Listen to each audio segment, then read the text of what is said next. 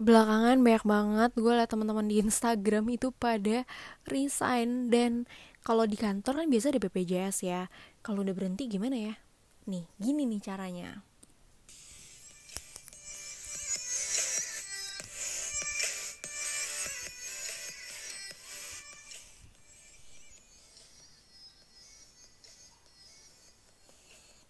Oke, biasanya kalau masih kerja teman-teman BPJS Kesehatan tuh ditanggung sama perusahaan, tapi pas udah berhenti mendingan dipindahin ke BPJS Mandiri. Nah, hal penting yang harus diketahuin karena kalau BPJS Kesehatan yang nggak dibayar, kamu nggak bisa pakai gitu dan pasti rugi lah ya.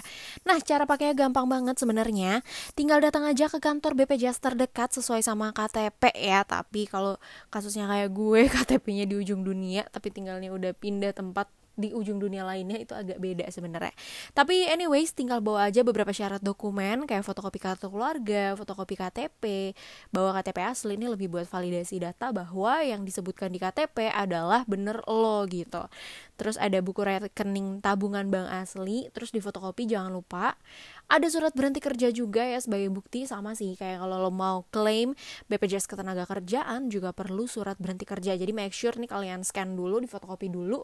Karena nanti kalau butuh lagi itu suratnya nggak bisa dikeluarin lagi saya gitu.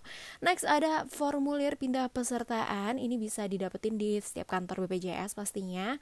Terus ada formulir pengisian buat auto debat dan pastinya materai. Dan jangan lupa teman-teman kalau sekarang itu materainya ada di 10.000 ya materai 6.000 bisa tapi harus dua lembar gitu nah tarif BPJS itu beda-beda teman-teman ini ada di 150.000 untuk kelas 1, 100.000 untuk kelas 2 dan kelas 3 ada di 42.000.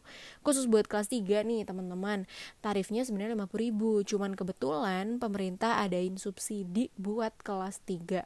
Tapi kalau gue bilang ya daripada ya daripada gimana-gimana mendingan ambil kelas 1 aja lah ya namanya juga uh, kita pengen yang paling nyaman. Tapi kalau emang kayak ah, gue udah jarang masuk rumah sakit dan punya asuransi swasta. Kalau punya asuransi swasta gue saranin ya udah ambil seadanya aja.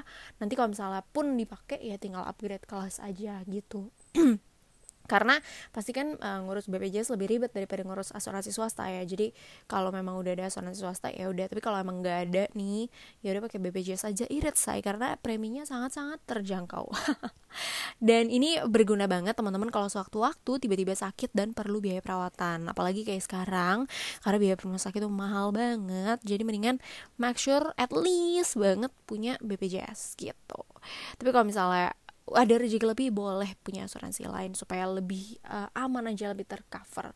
Bukan maksudnya ngedoain supaya kita sakit sih tapi at least kita punya rencana punya pelampung. Kalau misalnya nanti kenapa-napa. Yuk jangan lupa buat hidup tenang dan stay safe stay healthy.